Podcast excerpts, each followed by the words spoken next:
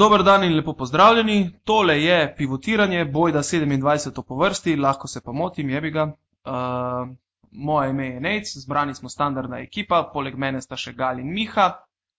Uh, najprej bi se zahvalil na začetku našemu sponzorju, Lepi Žogi, ki je še vedno tako dobre volje, da, da podpira naš podcast. In rezultat tega bo viden tudi v Galovem žametnem glasu. Je tako, Gal? Ja, se tudi jaz zahvaljujem na tem mestu, lepi žogi in pa posledično tudi pižami, ki mi je po, po neki kompenzaciji odstopil uh, svoj mikrofon, tako da upam, da bo kaj bolje danes. Ja. V glavnem tip je najbolj fancy, trenutno med nami vsemi. Drugače pa v lepi žogi trenutno lahko spremljate olimpijado zimsko, kat, olimpijske igre, pardon, katere največji navdušenec je Gal, danes je baje celo gledal smučarske skoke, čeprav zdaj ga bo sram, da to prizna. Ne, sem gledal, sem. Uh, no, a potem na Twitterju gunđa, razumeš, gore dol, kaj zdaj ti zimski športi, ne, ne, ne. A gleda, veš kako je bil navdušen, meni je na, na, na četu mi je kar pisal, hej stari prejec, ne moreš verjeti, veš kako je skočil, vsaka čast. Tako da v bistvu ga je potegnila noter uh, euforija. No, pretiravati ni treba, ampak. Ja.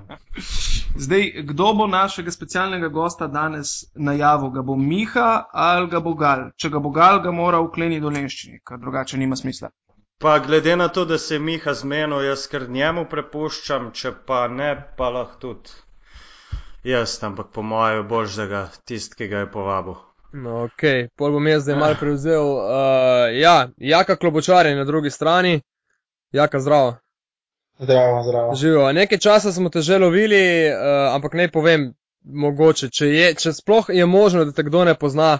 Uh, košarka trenutno, Krke v preteklosti tudi Olimpije, uh, igral je v Italiji, igral je pri Partizanu, zato bo današnja debata tekla skozi celotno njegovo kariero, ampak jasno tudi o letošnji sezoni, o ABA ligi in o evropskem izzivu, Euro Challenge, ki prihaja uh, na plano za Krko prav danes, ko vi to poslušate, mi sicer snemamo ponedeljek, ampak uh, v torek Krka igra. Ampak, jaka, recimo, podobna zgodba kot z Galom, ne, si tudi ti navdušenec, uh, takšen v narekovajih zimskih športov in olimpijskih iger, ali dejansko?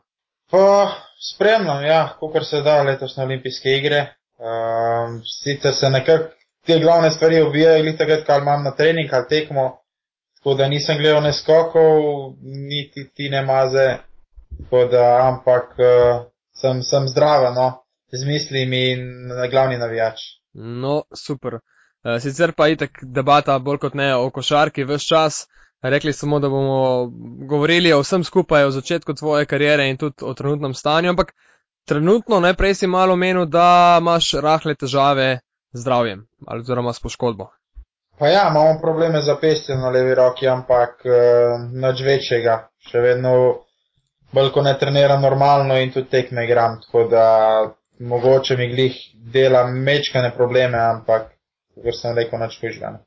Dokler ni nič hujšega, je že v redu, veš, ker letošnja sezona se mi zdi, da je s poškodbami zelo, zelo taka kritična, ne. Ko malo gledamo Partizan, tvoj, tvoj nekdani klub, v bistvu. Ja, mogoče še ostalo tist mal, mal del, del tudi tizga, da sem pošel jaz tle. Uh, ne, ampak drugače drugač letos moram potrkati, ker, uh, da sem kar na dobrom s temi poškodbami, da, da nisem imel preveč problemov. No. Mislim, da sem kar lansko leto jih nabral in za nazaj in za naprej upam. Da. Cool. Uh, trenutno skrko v, v ABA ligi na sedmem mestu, devet zmag, uh, ta moment, kako, kako ocenjuješ, bi si dosedani del sezone? Uh, kaj ne rečem, no, zadovoljivo, kaj uh, mislim pa, da bi lahko bili dosti više. Uh, par tekem smo zgubili in na zadnjo žogo, za ena obramba, kaj zvem, zadnji met.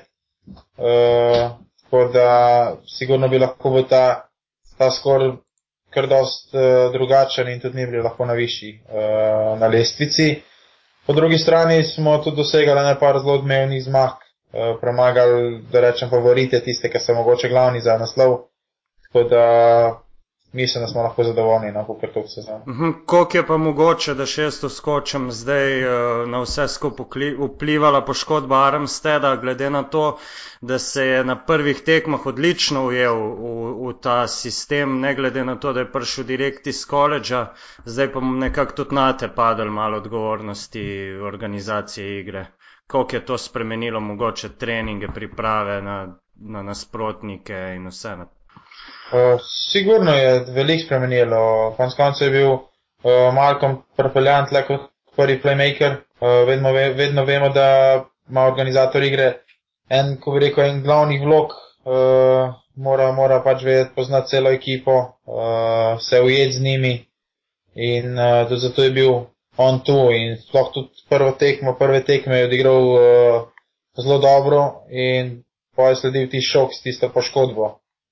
Zdaj, kaj bi bilo drugače, zdaj ne moramo gledati. Uh, po, tistem, po tisti poškodbi sem se pa res preselil na, na playmakerja. Tako da, uh, kaj bi bilo, če bi bilo, ne moramo vedeti, pač kako se je odvijalo. Uh, ta odgovornost po eni strani meni tudi paše, pač uh, rad sem na položaju, ko, ko odločamo o nekaterih stvarih uh, in, in se tega ne bojim. Tako da, Mm, jaz se pač potrudim, pa najboljš moček. Uh -huh. Sam še to, če lahko poveš, kako je pa zdaj z njim okrevanje, kdaj naj bi se vrnil? Uh, ja, on je cel čas z nami na mestu. Uh, trenera pač zdaj čist po svojem programu, nekako največji s kondicijskim trenerjem. Uh, kaj več od tega pa ne, ne znam povedati. No. Kdaj, kdaj naj bi nazaj prišel, pač kar se žog tiče in uh, kakšnega individualnega dela pač skošam, zaenkrat je še nisem videl. Uh -huh. uh, sam še tole moram omeniti, ker mi je en kolega iz uh, novega mesta povedal, da ga je baje nekdo nasral, da je tukaj tako toplo, da si je fant kupil skuterja in, in zdaj dejansko je ta skuter neuporaben. Je to res ali ne? Uh, ja, res imam skuter. Ne vem, od poletja. Uh, dokler ni pa v prvi sneg, no.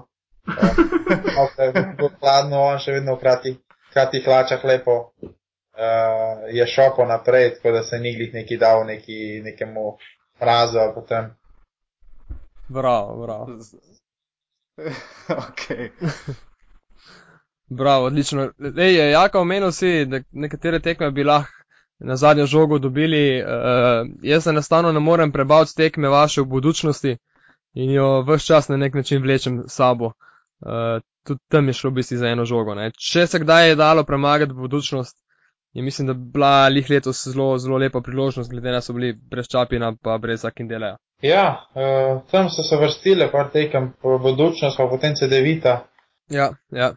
Pod Gorici smo bili blizu, pa po drugi strani delač. No. Uh, mislim, da smo v obe ekipe dosti nerazpoložljive, uh, ampak spet, ja, uh, zadnji minuti se je marsikaj eh, dogajalo, mi smo nekako dosegali neke koše, po drugi strani oni so bili dosti zbrani po tistih prostih metih, mislim, da jih je takrat Čehovi zadeval ene kar do zapored.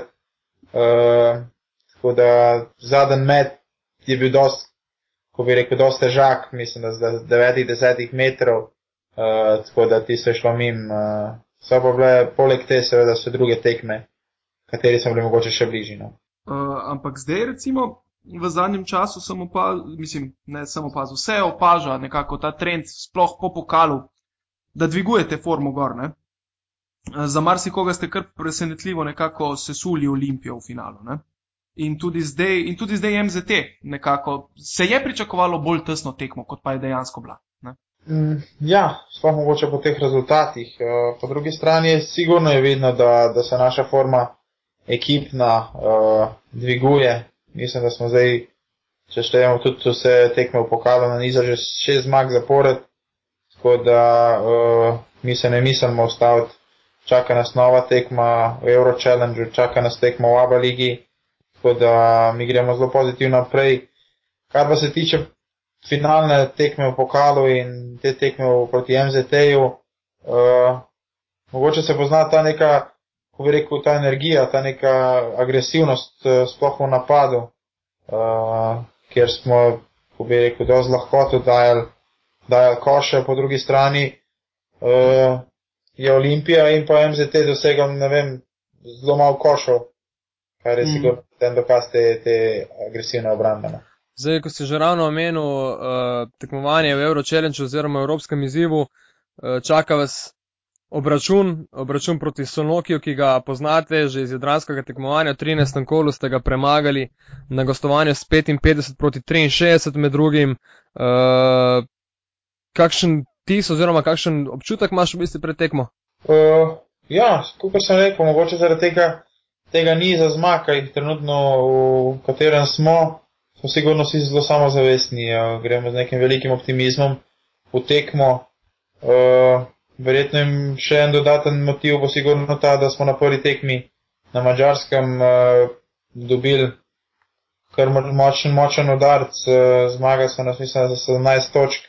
Pokazali smo eno najslabših tekem v sezoni, tako da sigurno se jim moramo vrniti za tisto. Uh, res je, da smo zmagali v Aba ligi, uh, ampak zdaj nas čakajo uh, še dve tekme z njimi doma, tako da jaz, jaz verjamem, da bomo pač obe dobili. Ti v, v Euro Challenge dosegaš približno 10 točk na tekmo, ampak kar nekaj vas je s takšno statistiko, ko, ko gledamo sam koše. Ne? Murič 11, Sani, Jaka, tudi Huka, vse nad 9-10, pa Bulje ne na zadnji na 9 točkah in Bukr dobr, dobrih 7. Se pravi, približno 5-6 košarkarjev, ki se vrti tukaj. To je verjetno ena izmed uh, dobrih zadev, dobrih nastosti, da ne sloni vse na enem košarkarju. Ja, Džikič. Uh je navajen oziroma eh, je odločen na to, da, da ponavadi vrti tam 10-11 igralcev, uh, kjer igrajo igralci tam si delijo minutažo okoli 20 minut, uh, tako da, da je tudi uh, tu en, en, ko bi rekel, ena stvar, da, da več igralcev doseže po 10 točk, ni pa glih igralce, ki bi pa, ne vem, redno dosegal nad 20. In verjamem, da tu sem dela na še močnejše, ker v bistvu uh, nikoli se ne ve, kdo, kdo bo izstopil, uh, smo pa zato, kot ekipa, zelo močni. Dej nekaj razložiti tukaj še, recimo, uh, vsi nekako govorijo o dvigu forme, ne? in, in ponovadi se to skozi medije zmire predstavlja pač dvig forme, kot da se je od nekje pojavil, iz neba padel. Sam, recimo, povedal zdaj na, na primeru prav Krke v zadnjem času ste kaj drugače delali? Je bila ta forma dejansko tempirana? Ste mogoče zmanjšali obremenitev na treningih, da je prišlo do tega? Mislim, ponovadi se tudi časovno nekako tempira forma, ne? Lihko je bil pokal tukaj in njega ste bili najbolj lačni tudi, verjetno. Ali ne? Ja, ena stvar je, da uh, je ponavadi tako, da uh, se na začetku leta zbere večji del ekipe nove uh, in vsaka stvar, vsaka akcija ne gre kar čez noč. Uh, tu je treba uigravanje, uigravanje, da žoga lažje steče in uh, tu se potem tudi prvada še ena druzga. In uh, Džikič je že rekel, mislim, da na začetku sezone, da mi bomo te glavni glih tam nekje v začetku novega leta, februar, marc uh, in evo, to tudi zdaj dokazujemo. Um, žoga tudi na treningu veliko velik lažje teče, bolje vse uh, gladko, um, ekipa je že bolj povezana in to je ena teh stvari, zakaj, zakaj se mi zdi, da, da smo dvigali formo. Po drugi strani tudi v Brambi uh, že lahko čitamo en drugega vnaprej, vemo, kako pomagati in tu so ene te, rečemo, mogoče malenkosti, katere pač nas dela boljše. No. Ampak v samih obremenitvah na treningih pa ni razlike. Pa niti ne. Konec koncev zdaj igramo dvakrat tedensko, sploh mm -hmm. zdaj le zadnji, da rečem, kar zadnji mesec so se vrstila te, ta potovanja ko v bistvu niti trener, trenirati nismo mogli kaj dost, ker uh, smo v bistvu en, en dan pred tekmo, en dan po tekmi bili na nekem, uh, ko bi rekel, na potovanju ali avionu ali na busu. Tako da uh, to je bilo utrejoče, ampak potem so to treningi bili pač tukaj prilagojeni, da, da utrujene se ni poznalo. Zdaj, ko gledam malo te tekme, se mi zdi, da, da ti zelo ležijo predvsem uh, nasprotniki iz Beograda ali pa celo, celo iz Srbije, če tako rečem. Ne. Zvezdi si nasu 26 točk, uh, Mega Vizuri 21, Partizano prav tako 21 točk. Ima to kakšno vezo, kakšno motivacijo, glede na to, da si preteklosti igral pri Partizanu? Kaj pa vem, no, leto se je nekako tako poklopil te tekme. Uh, motivacija je pri meni na vsaki, vsaki tekmi velika. Uh, zdaj ali, ali še nekaj dodatnega, mogoče v podzavesti igrati proti, proti Partizanu kot bivšemu klubu ali pa mogoče proti Zvezdi kot nekemu glavnemu rivalu Partizana. Um, verjetno je nekje pač nek, nek podzavestno, sigurno tudi to. Um, ampak kar se pa moje motivacije tiče, pa je ista, ali se igra proti ekipi slovenske lige ali pa proti nekemu iz Euroligi. Jaz sem imel teorijo, da je to uh, bil glavni test od Partizana, predno te je podpisal, to, ker si v tisti sezoni dal z Olimpijo proti Zvezdi, mislim, da okoli 27 pika, nekaj takega. Ja, hvala za informacijo. Ja, uh, kje pa mogoče vidiš razloge? Zdaj, uh, lani v finalu pokala si nekako začel tvoj uspon in to, to, to formo si nekako zadržal skozi celo letošnjo sezono, ki je najboljša v tvoji karieri. Kje mogoče vidiš razloge, da si mogoče šele zdaj uh, pač nekako začel igrati tako, kot uh, si verjetno tudi sam želiš, je to, ne vem, uh, nekako si bolj sproščen, dozorel bolj ali je kaj tretjega. Zdaj, da ti še jaz razložim, Jaka, mi smo, ne vem, če si kaj spremljal naš podcast pivotiranja v preteklosti, ampak mi, ko smo se že pogovarjali in uh, recimo malo modrovali in analizirali uh, celotno sprotno dogajanje in v ABA ligi in v pokalu in tako dalje, smo si na nek način bili enotni, da igraš v letošnji sezoni fantastično, da bi si brško ne to v lanskem zaključku sezone v državnem prvenstvu, torej v finalni seriji zaslužil naslov uh, prvaka oziroma naslov MVP-ja, na nek način tudi ta zaključni turnir v pokalu si odigral zelo, zelo dobro, ja, sam za eno intermezzo informacijo, da boš, vedel, da boš vedel, na kakšen način smo o tem razmišljali. Absolutno, po mojem, imaš košarko karijere v tej sezoni. Ja, hvala. Uh, zdaj pa razlogi. Kot prvo, ne vem, se mi zdi, da po tisti, po tisti stvari uh, v Partizanu se mi nekako zdi vseeno, da, da se počasi vračam nazaj. No. Uh, tista sezona v Italiji je tudi bila za mene kar dosti pozitivna. Uh, je res, da gre, da gre mogoče še gor, jaz upam, da bom šel še više. Uh, zdaj pa en razlog je sigurno ena, ena stvar uh, nekako dozorevanja. No? Uh, dviga se sama zavest. Uh, enostavno, sploh v letošnji sezoni sem zelo meren, uh, nimam nekako stvari, s katerimi se bi obadal. Uh, pač ne vem, poznajo se pravi ljudje okoli mene, da sem lahko sredotočen uh, res na košarko. In to so pač ene sigurne stvari, ene glavne stvari, da, da, da je pač sezona, kako je to lahko uspešna. No. Mhm. Koliko je pa mogoče na te vplivalo to, ko si se vrnil spet v Krko, so nekako vsaj te navijači, recimo, ti žvižgali in te pač niso nekako sprejeli do zdaj, do teh uh, dobrih iger. Je bilo težko mogoče v kakšnem trenutku zgurati stvar naprej. No? Pa ja, iskreno, uh, sem mislim, da dve leti nazaj, prej sem šel v Italijo, odigral dve ali tri tekme uh mhm. -huh. s Krko. Uh uh, takrat sem bil malo negativno presenečen ja, na odziv. Uh, ampak ko sem lan, lansko leto potem podpisal pač novo pogodbo s Krko, uh, sem rekel, pač da bomo vse od sebe, da, da, pač, da bo navijači z mano in evo, kot kaže, se je tu obrestovalo. Uh, prepoznali so pač to neko energijo, to željo. Eh, pomagati pač klubu čim boljš in uh, letos pač tu pravom nadaljevati in mislim, da smo trenutno kar najmi pravi valovni držini. Ne. Hvala Bogu, si si domači igralec. Aj, mogoče ja. v tem primeru celo, ali pa tako nasplošno, biti v Sloveniji, v Sloveniji težko domači igralec? Uh, ja, veli, ve, velikrat se tako zgodi, ker enostavno, uh, da rečem po domače, ne vem, še hitreje te lahko spluvajo. No. Uh, nekateri, marsikdo, niti ne, uh, ne kako bi rekel, ne spoštuje preveč domačega igralca, ampak se bolj uh, gleda na neke tujce. In uh, žal, žal se nekako tako dogaja v Sloveniji, vedno več, mislim, že od nekdaj zelo velik tega. No. Zdaj si čez Italijo, če grem v obratnem vrstnem redu, kot sem na začetku mislil, uh, pa bomo pol kasneje prišli do Partizana in Olimpije. Italijanska, recimo druga liga, takrat v, v Ostuni, ne? mislim, da je Ostuni potem razpal, če se ne motim, oziroma kaj se je zgodilo dejansko s tem klubom.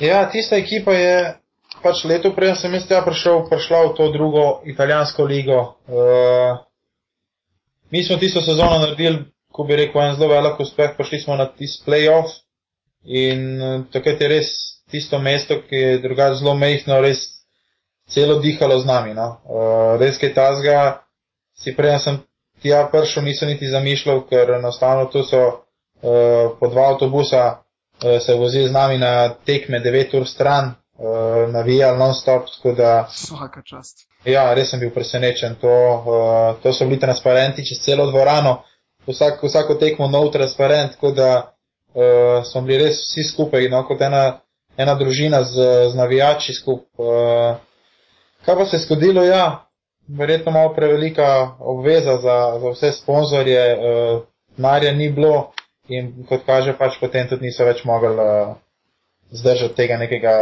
verjetno finančnega pritiska in potem je pač šlo kamor je šlo. Ne. Tebe so uspeli izplačati do konca? Uh, ne, niso. Zdaj, ti si se tam uh, dvignil na nek način spet, ne tudi svojo formo. Dosegal si 18-20 točk zelo, zelo redno, tudi potem v sami končnici. V bistvu si, ne bom rekel, reševal svojo kariero, ampak verjetno spet dobo tiste prave napadalne, predvsem občutke.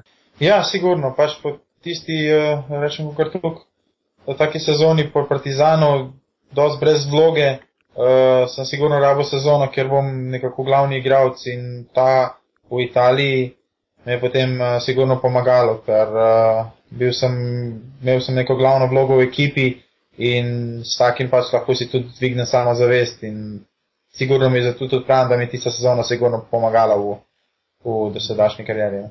Hud derbi z Brindizijem ste imeli, ne? to je sosedski derbi, če se ne motim. Ja, uh, to je pač 20 minut stran. Uh, v bistvu smo tudi mi domače tekme igrali v njihovi dvorani. Uh, tako da sploh, kadar smo igrali pa proti njim, so bili pa še navijači uh, še toliko bolj, rečem, z nami. Prišli so tudi pred tekmo na naš trening, nas podbujali, uh, tako da smo že pred tekmo vedeli, kaj, kaj, uh, kaj nas čaka, oziroma na kaj moramo biti pripravljeni in da bi pač zmaga proti njim pa še tako bolj pomembno. Ja, se pravi, Partizan v malem, no, če se malo pošalim. Ampak Brindisi igra zdaj v prvi legi, mim grede je trenutno tudi prvi na lestvici ta moment. Uh, tako da je kar dosti dobro, dosti dobro na poti. Bistvu, kako si pa ti prišel sploh do Ostunja, po kakšni logiki, kje si našel ta klub, kdo ti ga je organiziral, kje je padla ideja, si potem prečakiral, si koga kaj poprašal, si koga poznal, ki je tam prej bil oziroma je vedel, zakaj se gre. Ne, v bistvu se to zelo hitro nadelo. No. Uh, jaz sem še spomnil, igral tekmo s Krko v, v Zagrebi, v Zagrebu proti Ciboni in po tekmi sem že imel uh, klic od menedžerja, ki je pa sem na hitro rekel, da če imam želje, da bi šel tja, glede na to, da se nekako na začetku sezone ni naj, najdla prava sredina za mene, uh, ampak bilo je že kar pozno, mislim, da že sredo oktobra. Tako da sem se potem na hitro odločil, iskreno nisem niti vedel, kam grem, ker to jaz sem takrat iz Zagreba prišel, mislim, da ob polnoči, ob devetih pa sem že imel zjutraj avion iz Trsta, no? tako da niti neke informacije nisem mogel dobiti. Uh, bolj natančno, preden sem šel tja, sem v bistvu mislil, da gremo v Brindisi.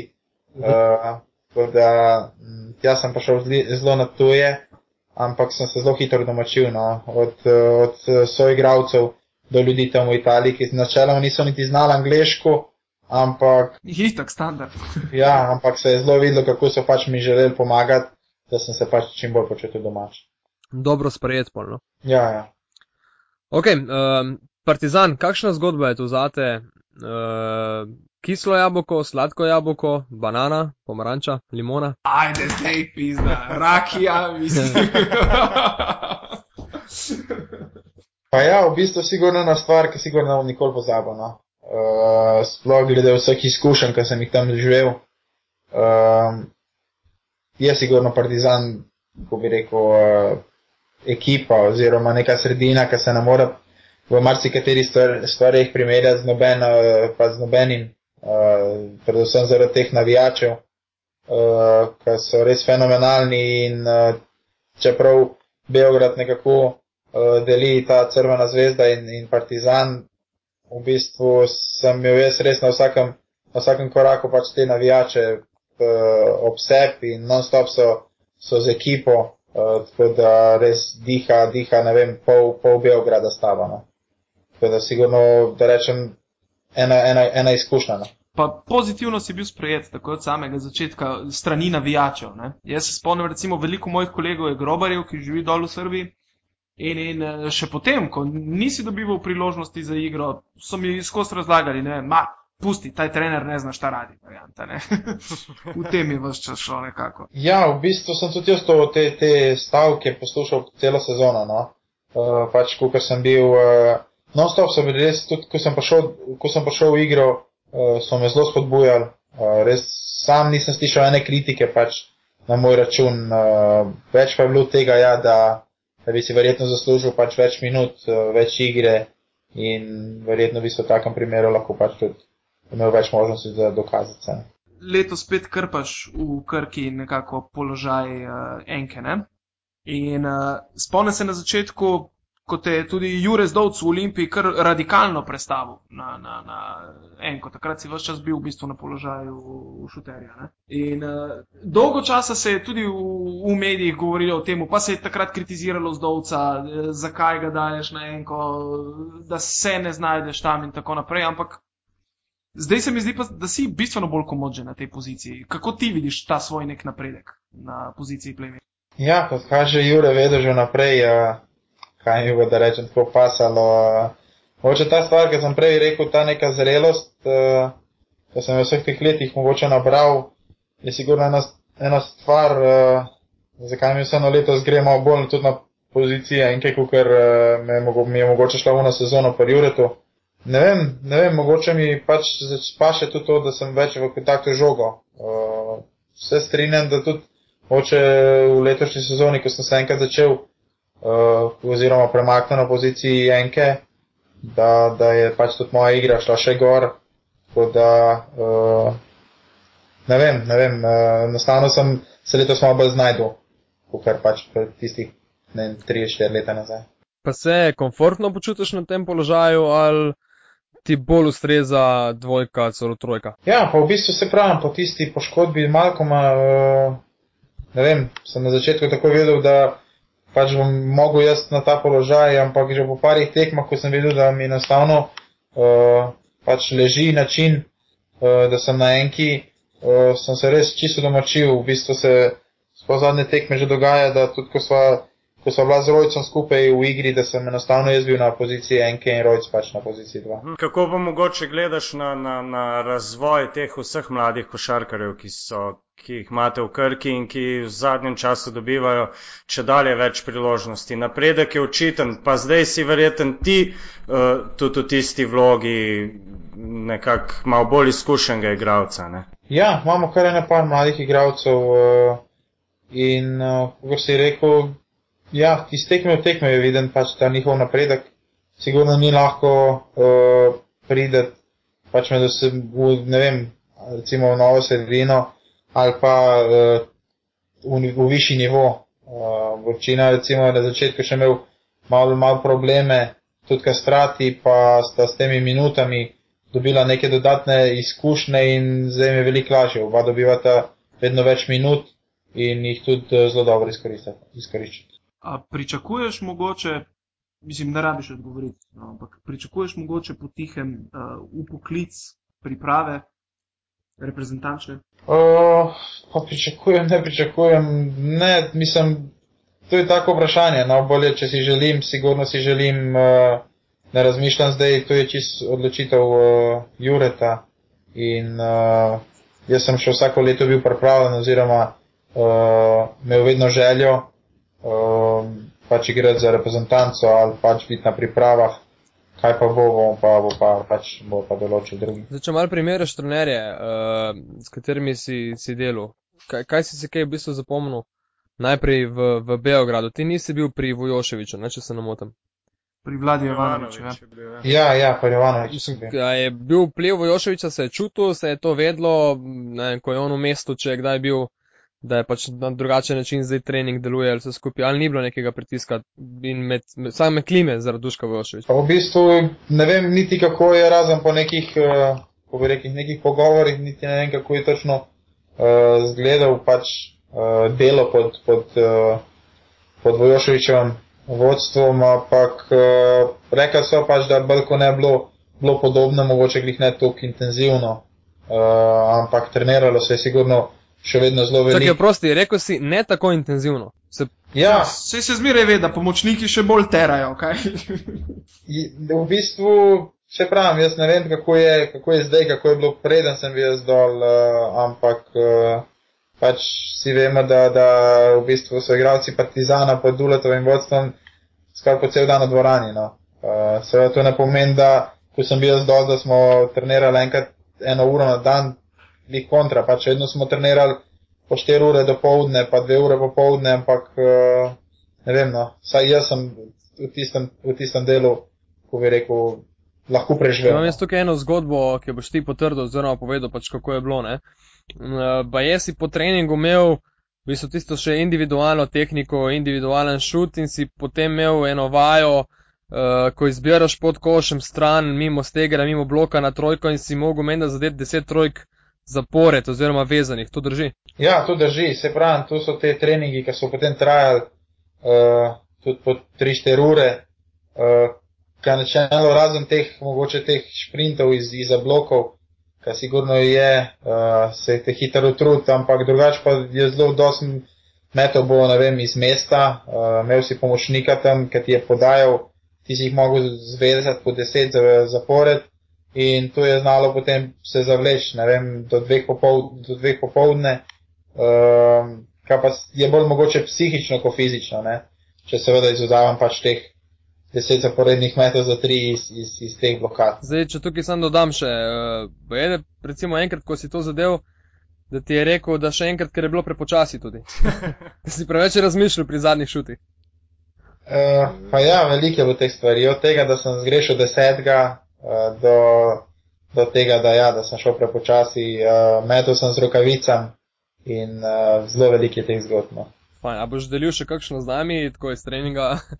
to so v bistvu te najbolj zanimive zadeve, ki nas tudi Ta drill, ja. zanimajo. Ja. Kako sploh ta drill, res, ko si rekel, do dveh popoldan se je zavleklo? To pomeni, da ni pomočnik, se mu tudi ni mudilo domov, pa je pač imel čas in vse čas tega sveta, da se je pač s tabo tam ukvarjal, da nista pri, pri, pri, devet, pri devetki šla domov. Uh, ja, nekako je v Partizanu bilo tako, da, ja, da so res igravci in trenerji to besedno morali, morali biti uh, non-stop uh, z glavami pri košarki, uh, biti v dvorani, ker je le mogoče. Uh, takrat je še bila pač že bil trenutek, ko Crvena zvezda ni trenirala v pionirju, tako da smo imeli ja. res uh, prosto igrišče non-stop. Uh, najprej smo pač naredili malo fitnessa, bili cel, pa cela ekipa skupaj še mogoče eno urco na igrišču, na parketu, potem pa so tisti starejši igralci šli domov, mi pa smo pač ostajali. Um, pač imeli smo pomočnike, da verjetno, da ne bi kdo golfoval, kaj se ne sam ne vem. Uh, in kot sem rekel, jaz sem enostavno stal, stal na mestu, pač vrgel, ne znam niti sam, ne morem niti pomisliti, koliko je število metov, uh, trener pač pomočnik pa je uh, pač poberal žoge in mi podal nazaj. Ne. Zdaj, Džile recimo tudi izhaja iz Partizanove šole, ne? tri leta je bil pomočnik od Duleta. Uh, koliko se ne, te njegovi treningi recimo razlikujejo? Jaz sem od Ožija slišal, da je on tudi odličen individualen trener, da, da se ogromno individualno posveti igralcu. Ne? Ah, ja, uh, tudi jaz se strinjam z Ožijem, uh, zelo velik, zelo velik znanja uh, in, in tudi kar se tiče individualnega dela je zelo, uh, zelo, pač zelo, zelo dober individualen trener. Ma pa verjetno pač malo težav na novem mestu, ker uh, imamo velike probleme s temi termini. Uh, glede na to, da dopoledne, ko lahko treniramo pač v eni dvorani, uh, kjer je pred treningom in po treningu že neka športna vzgoja. Ja. Tako da neki dosti časa za neko individualno delo ni no. Je pa, ko sem bil na Olimpiji, ko je bilo tega uh, časa več, uh, je tudi uh, to individualno delo pač bilo možno. Hm, lahko poveš mogoče, za koga je težje igrati v Sloveniji, za Krko ali za Union Olimpijo? Ali za Slovan? Ja. Ja, sigurno je pritisk vedno bil večji na Olimpiji. No. Uh, ker enostavno, ne vem, če zdaj malo po, povezujem stvari. Ko sem bil v Beogradu, enostavno, če se je zgubila ena tekma, je to že, bil, to je že bilo no, uh, res grozno. Pritisk je bil neverjeten, vsaka tekma je šla na nož, uh, enostavno si je moral zdobiti. Uh, Olimpiji je bilo mogoče malo manj, ampak še vedno, sploh mogoče, pri, enostavno si tudi že tle pričakovalo v oba ligi, da se, da se tekme zmagujejo. Uh, in pol, ne vem, sploh če so se vezali par porazov zapored. Tle v Krki je pa ni pritisk, no. uh, enostavno ni, ni zaznati tukaj, mogoče se pravim, včasih pritisti dajo enostavno nekateri navijači, ko, ko, uh, ko so na tekmah. Zdaj pa, da bi pa bil nek pritisk z kakšnega vodstva, pa saj ne tu velik, ker je bil pač preomenjenih. Ja, ponavadi je, ne vem, ali je to pač zgolj na ključe, ali je dejansko kaj na tem, ko Krka igra proti Olimpiji, nekako v spredje pridete vi, igravci, ki imate nekakšno povezavo, z, bodi si z Ljubljano, bodi si z Olimpijo, ne vem, ali si to ti, ali je to Edo Murič, ki je Ljubljančan, pa igra v novem mestu. In potem slišimo te opaske, Ali da ja, ali, in potem slišimo te opaske, uh, češ da se Krka napali samo na Olimpijo. Je dejansko kaj tega pretekmo z Olimpijo? Ste kaj bolj napaljeni ali je to pač še ena v nizu tekem? Če spet povežem, pa vse, kar se mene tiče s to motivacijo, ne vem, moja motivacija je pač vsako tekmo enaka. Uh, mogoče je res ta podzavestno, enostavno že ko naprej vsi govorijo o nekem slovenskem derbiju.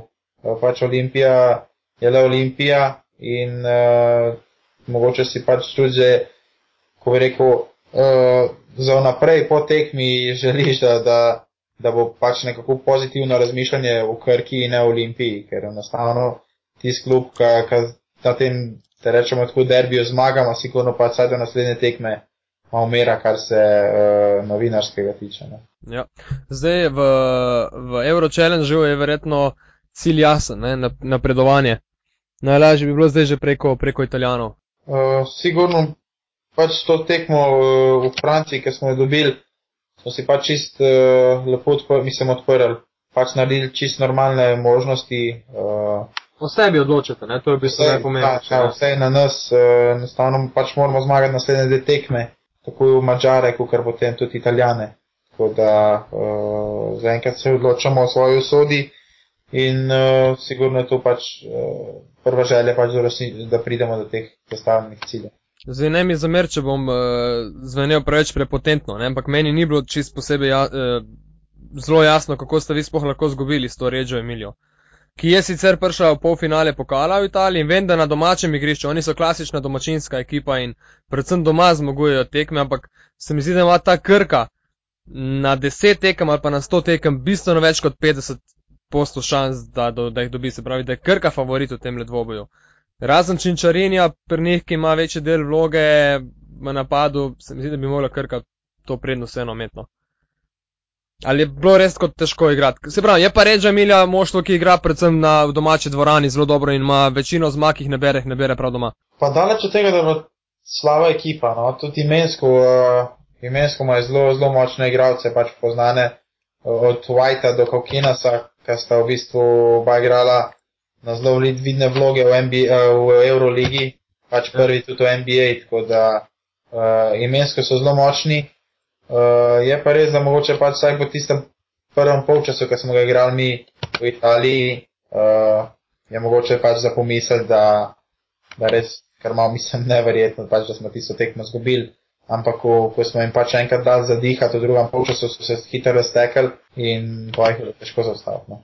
Ja, nasploh, Ja. nasploh se tudi meni zdijo italijani, mogoče poimensko so močni, ampak ko je pa treba nekaj odigrati, ne vem, taktično se pa, se pa dokaj hitro zgubijo. Podobno je bilo z eh, Varezejem proti Olimpiji v Eurocupu, ko so zgubili res tisto neverjetno končnico, ki je verjetno tudi kakšna pionirska ekipa bi znala tisto nekako pripela do konca, ampak ja, se zgodi, ne, ker domačinu pustiš, da pride blizu, euforija, publika uživi, kakšen med dva se zadaneta in je hiter lahko kriza. Ja, uh, verjetno je pač ta način italijanske košarke pač mogoče uh, dosti hitrej, uh, manj organiz, uh, organizirano in uh, pač takrat mora biti cilj sem ta, da, da se pač spusti na neko, uh, da rečem, malo počasnejše- počasnejšo košarko uh, in uh, mi pač v prvem polčasu smo bili pač, uh, smo šli v pravo smer, medtem ko smo pa v drugem uh, ko bi rekel, šli v napačno in v napadu in pol tudi, uh, ko so se oni razleteli. Jaz mislim, da smo tle imeli zdaj vsi na jeziku indijanska košarka, ker meni nikar po glavi hodi pistoja. Ja, pistoja igra, igra uh, ravno kar, zdaj ne vem, Prej je bil polčas, je, je eh, zgubljala za točko proti Milanu, ne? 38-39, tako da bi bilo fajn, če, če ima kdo čas, da mal preveri. Za Mislim, bi bilo pistojo. dobro, da Milano to dobi, ker če ne mi tiket propade. Je, Je, ja, glej. Milano v italijanskem pokalu se videl, da je spal proti Sasariju, ne? ja. E, Jaka, Pistoja je igrala takrat v drugi ligi, kadar vi? V Italiji. Ja, ja, uh, Pistoja, pa Reggio Emilia, pa Brindisi, no že skoraj cela prva liga, ne. Pač mi se, mi se večkrat malo tako pohecamo glede Pistoja, no, ker ima prvo peterko američanov in je pol to zelo taka neobičajna uh, košarka za, za evropske razmere. Kakšna tebi uh, košarka ne bolj ustreza? Kaj imaš rad? Tranzicijsko hitro igro. Pri Krki vemo, da, da težko presežete 65 točk, ne? Uh, ja, hvala. Ne, ker enostavno, ja, tudi meni tudi men, uh, nekako bolj odgovarja pač ta tranzicijska igra. Uh, ta način košarke mi je, mi je uh, bolj všeč, sem pač igralec, ne vem, ka, da rečemo po domače, raj igra nekako up and down, kot kar neko častno in bolj organizirano igro. Ja, um, Kako si pa mogoče ti doživel? Ja, čakaj, prihod, Gal, Gal. Oprosti, ker sem vas podcenjeval. Se, Kaj? 67 točk no, v povprečju dosegate v ABA ligi. Da, ja. No, no, no. Ja, ja. No, evo, Vzamem nazaj, nazaj, se. se, ne Ja. se zdaj bavati.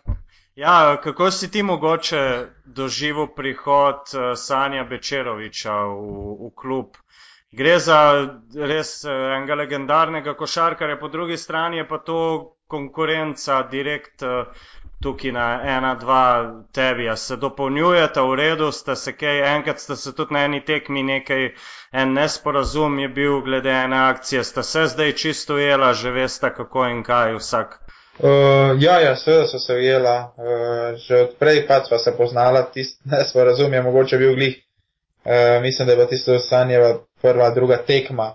Uh, pač za njega tudi polno novih akcij in sigurno pač hitro prijel do nekega, do neke nezbranosti, uh, ampak tisto smo še isto minuto oba pozabila. Uh, pač ujavila se enostavno, jaz pač vse minute pač igram na, na poziciji enke sani na dvojki, tako da v bistvu nismo prišla do, da je prišla do neke konkurence. No.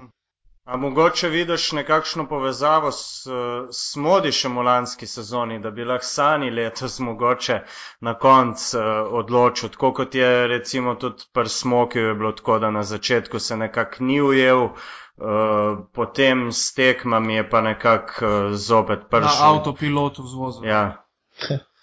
Ja, zakaj pa ne? Uh, Sani je pač že zdaj, evo, je prišel, uh, je pač prišel na svojo formo, sigurno se je poznalo pač, uh, da takoj pač prve tekme uh, še ni bil v nekem ritmu, uh, manjka samo treningi in uh, zdaj je pač prišel do, do neke prave forme in verjamem, da je pač držal in uh, kar je še bolj pomembno, da bo zaradi tega tudi uh, cela ekipa funkcionirala boljši in prihajala do novih zmag. Zdaj v soboto, jaka vas čaka Cibona v Zagrebu.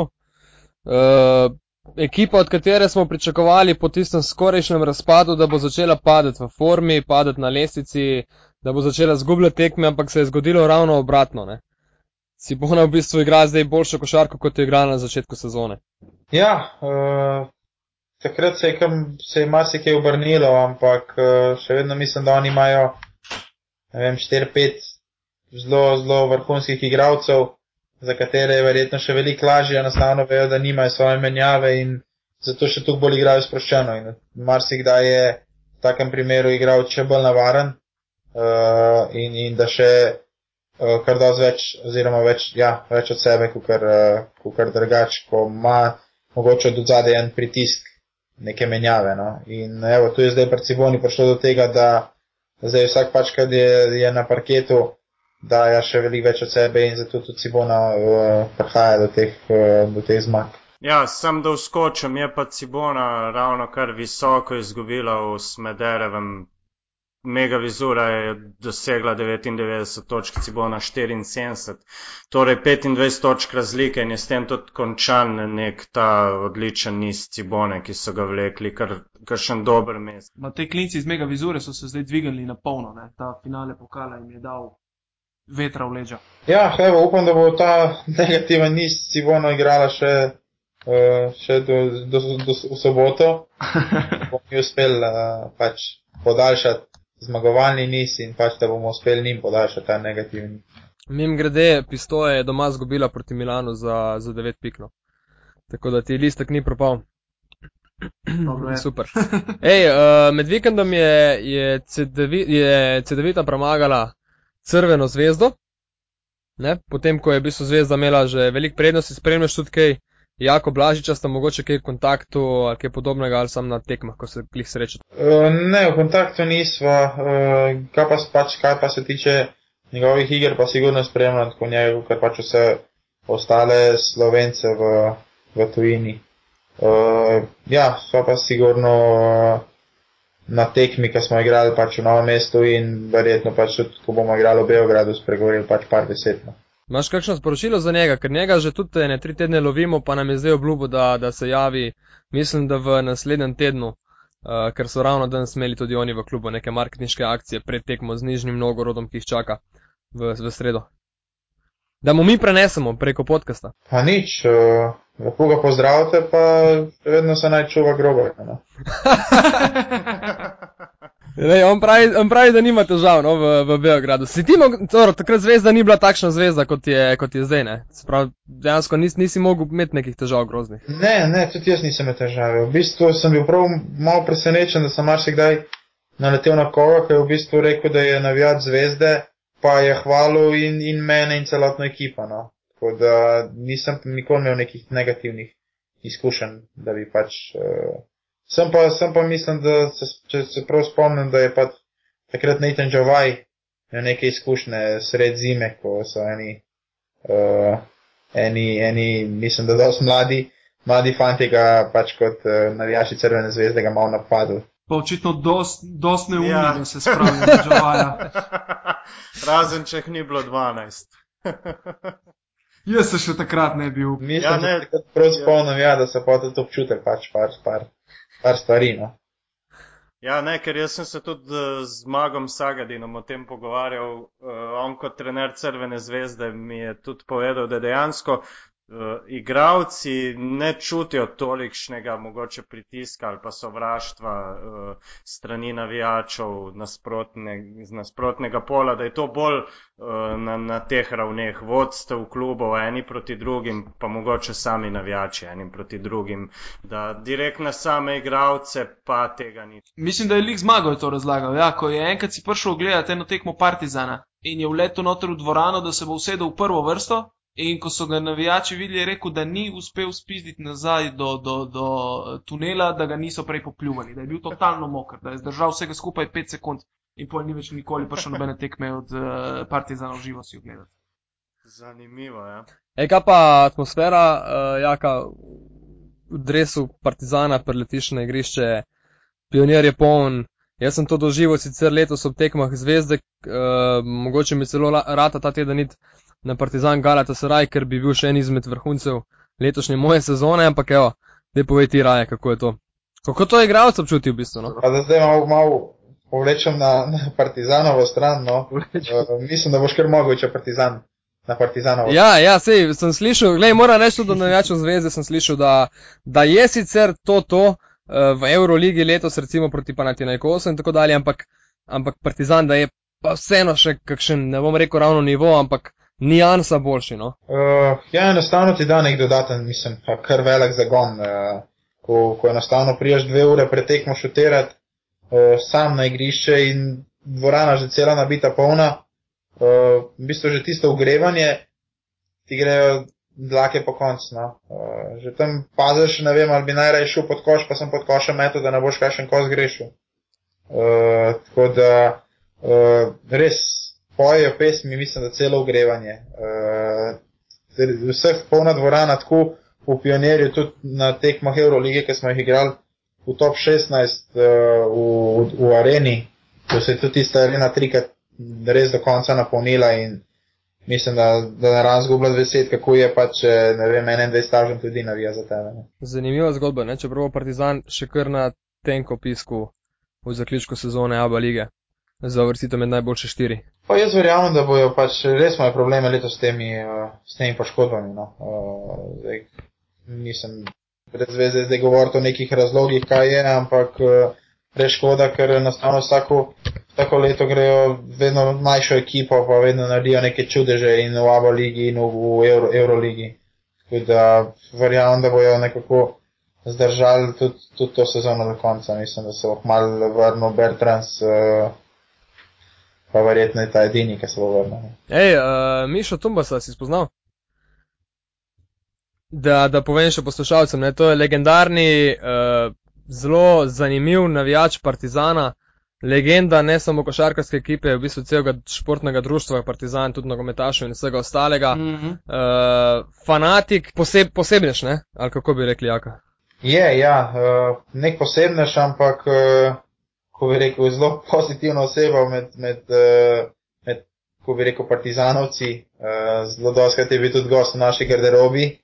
Um, ko bi rekel, prišel mogoče po kakšen dinar. Lahko rečem, da sem mu enkrat sam dal uh, na mest dinar eno liziko, v kateri je bil, mislim, da še bolj vesel. No?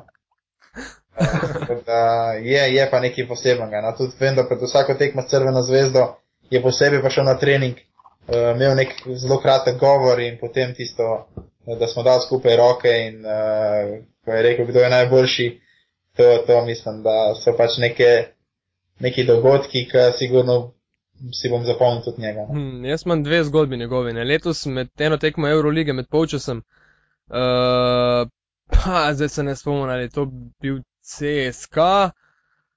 Še v prvem, de, eh, ne spomnim se, vse vseeno. No, v areni v glavnem je, je se na sredini igrišča sleko, ne, pač do golega, kar je tudi ena izmed lasnosti njegovih. No, ena bolj zanimiva pa zabavna zgodba pa gre uh, glede tega, te osebe uh, o, na en izmed tekem Partizana in Bajerna Minhna, pa je to verjetno že kakih 15 let nazaj, da ne bom zdaj na pamet razlagal, je, je stal v bistvu celo tekmo uh, ob robu igrišča in kričal Giovanni Elber, Giovanni Elber, Giovanni Elber. Pa je celo tekmo, dokler ni Giovanni Elber po tekmi prišel k njemu in mu dal dres, ne, v prvo vrsto. Tako da je, ampak to je, to je za mal pogooglati, tako je velik njegovih zgodbic in vsega ja, skupaj. Kot, kot kaže, si on vsako leto najde enega, no? ker eh, vem, da ko sem še pač v ne prve moje uh, tekme proti Partizanu, to verjetno Slovanom igral, uh, sem, sem po cele tekme poslušal z njegove strani ime Miloje, verjetno pač po takratnem uh, Milojeviču. In tisto sezono, pa ko sem bil sam dol, pa je, mislim, da celo tekmo bilo samo Džavaj, Džavaj. Eh, kot kaže, pa si vsako leto najde enega. No? Oj, super, no, uh, imata vidva še kaj? A, no, mogoče, evo, da bom jaz še počastil, uh, danes praznuje uh, 51. Rojstni, rojstni dan uh, njegov zrak oziroma njegova zračna visokost Michael Jordan. A je bil on tudi tvoj vzornik jaka ali si imel mogoče kakšnega lokalnega ali pa slovenskega idola? Uh, ja, sigurno, sem sploh na začetku sigurno bil pač moj idol. Uh, verjetno mogoče tudi zaradi tega, ker uh, je bil tudi vsem drugim. Uh, bil mi je idol sigurno tudi Matjaš Spondič kot nek novomeški košarkaš. Uh, ampak pač potem ker smo malo videli, da enostavno ne bova pač igrala na isti poziciji, sem pač potem jaz uh, gledal. Da je struktura drugačna, ne? Tako, ja, sem pa spet uh, uh, mogoče po drugih igralcih. Mhm. Proti kom ti je pa mogoče zdaj v recimo tej sezoni Aba lige bilo najtežje igrati? Je to mogoče celo Bogdan Bogdanovič iz Partizana, ki je eden najvidnejših mladih igralcev sploh v Evropi? A bi lahko mogoče malo povedal? Uh, ja, uh, glede njega, ne vem, koliko je potreben uh, komentar. Uh, pač tak mlad igralec že po svojih igrah v Euroligi in tudi ABA, uh, verjamem, da ga čaka zelo, zelo sveta prihodnost. Uh, kar se tiče pač mojih iger proti njemu, ne vem, mogoče mi bo vseeno malo lažje igrati kot proti kakšnim. Uh, recimo Blessing Game iz, iz Cibone, ker uh, enostavno uh, so nekako z Bogdanovičem dosti podobne konstrukcije uh, in so se nekako lažje, lažje ga pokrivati, kot ker uh, tistega malega američana, no, ki je kot na baterije. Ja, dejansko je meni zanimivo, ker on, kokr ima dan, ima, ima dan, ki bo vrgel 14 trojk na tekmo, recimo danes v celem polčasu, pa meni se zdi, da je enkrat poskusil z metom na obroč. Ne? In vedno, vedno nekako išče svoje soigravce, tudi če je bolj ali manj sam. Ne? Je res neugoden, verjetno. Ja, Ja, up- upajmo, da bo tudi v soboto tako. Ja. ja, ja. Ok, uh, Jaka, mislim, da se lahko kar v imenu vseh treh zahvalim, da si si vzel čas eno urco. Zdaj po treningu pa ravno pred, na večer pred tekmo z Reggio Emilijo. Upam, da italijanim tudi pokažete, da pa Slovenija v košarki še vedno korak pred njimi. Uh, da osvojite novo zmago, se vrstite, osigurate nadaljevanje v tem tekmovanju in jasno, potem za vikend, da premagate uh, Cibuse v Zagrebu. Solnok imajo jutr, ne rečem. Pardon, pardon, hvala lepa za, ja. za opozorilo. Dobro, Ti že gledaš tekmo To- naprej, ne? že- ti si že pisal tlele dve pike na tej tekmi. in to je to, ne? jaz sem pisal dve piki tudi že proti Italijanom, tako da Ja, ne, ne, smemo, ne smemo ga uspavati, jaka jutri imate, da jih raztrgate. Ja, vprašanje je, kako se bo Oren odločil, ali bo igral, ali ne bo igral, ali bo sploh prišel v novo ja, mesto. da ne bo ostal na meji, Ja. tako kot že enkrat. Ne rabi pasoša, ni meje, Glej. ljudi božji. To je še Za, enkrat. ne, za njega ni zihar nič. ja, ampak vse ne. Bom, bomo ga zastavili. Ne? Uh, Neč jaka srečano, no. že jutro na tekmi, po pa svet se pravim za vikend in uh, mislim, da se do konca sezone še kaj, še kaj slišmo. Pod, Ja, podobni. hvala tudi z moje strani, pa veliko sreče v celi nadaljni sezoni. Hvala lepa. Tako, pa da te gostimo v pivotiranju, ko boš na seznamu za Ja, z veseljem. No, odlično, te bomo držali za besedo. Lepo se mej, čau. Enako, Ok, okay, ok, živijo. Uživaj. Čau, čau, hvala.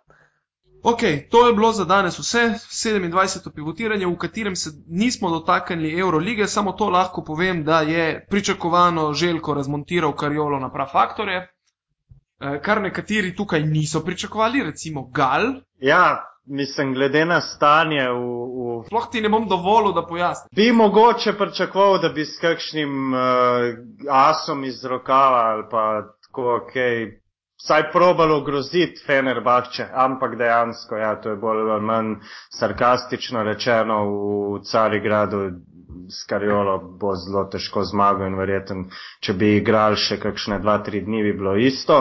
No, ne, ne samo opomnem, ne samo tukaj dodam, Gal, da verjetno ti nisi imel informacij, da bo Skariolo igral brez treh košarkarjev, eh, pa še dva je seboj pripeljal, ki sta bila bolana in sta tudi igrala zelo malo in je velik del tekme igral tudi consko brambo, ra- ravno zaradi tega, da si ni prvoščil osebnih napak, da je igral eh, z 18-letnim centrom pod košem polovico tekme, tako da v bistvu Skariolo na tej tekmi že zaradi zdravstvenega kartona ni imel nekih resnih možnosti. Tako da to je olaševalna okoliščina zate, gled. Podpiram te proti, proti Tiborju. Lej, s Kariolo bi še pri Briškoli imel samo liše v rokah, je bil pa to verjeten kar tak zanimiv trenerski obračun, če bi nekako analiziral profila Skarjola in Obradoviča, ne, verjetno ne bi najdel ene stalnice. Ja, to ti je tako, kot da bi analiziral Nikolo Teslo in Mišo Tumbasa. Ja. In Sicer pa, drage dame in gospodje, kaj večjih presenečenj v Euroligi v prejšnjem kolu ni bilo. Uh, v prihodnjih dneh nas čaka tekma kola v Euroligi v Beogradu, Partizan Galatasaray. To bo dejansko tekma kola. Ja, to je strani Eurolige zbrano kot tekma kola, mal tudi zaradi navijačev. Drugače pa tudi Anadolu Efes Fenerbahče Ulker ne bo slaba. Absolutno tekma, ne? in obe delam, tako da se že veselim četrtka in petka zvečer. Odlično. Pa CSK Makabi bo tudi jezna. Ja, tukaj tudi ne bo šlo, ja, siguran. Ful bo zanimivo. Nič, do prihodnič, ko vam bomo povedali, kaj je bilo zanimivo in kaj In ni ko, bilo. mogo, in ko mogoče dobimo novega sogovornika, ne? Če Ja, ali pa kakšnega manj, mogoče ne bomo vsi tri to je uspeli. tudi res. Ajde, Ja, uživajte. hvala za poslušanje, pa do naslednjič. Lep pozdrav. Adios, čau, čau.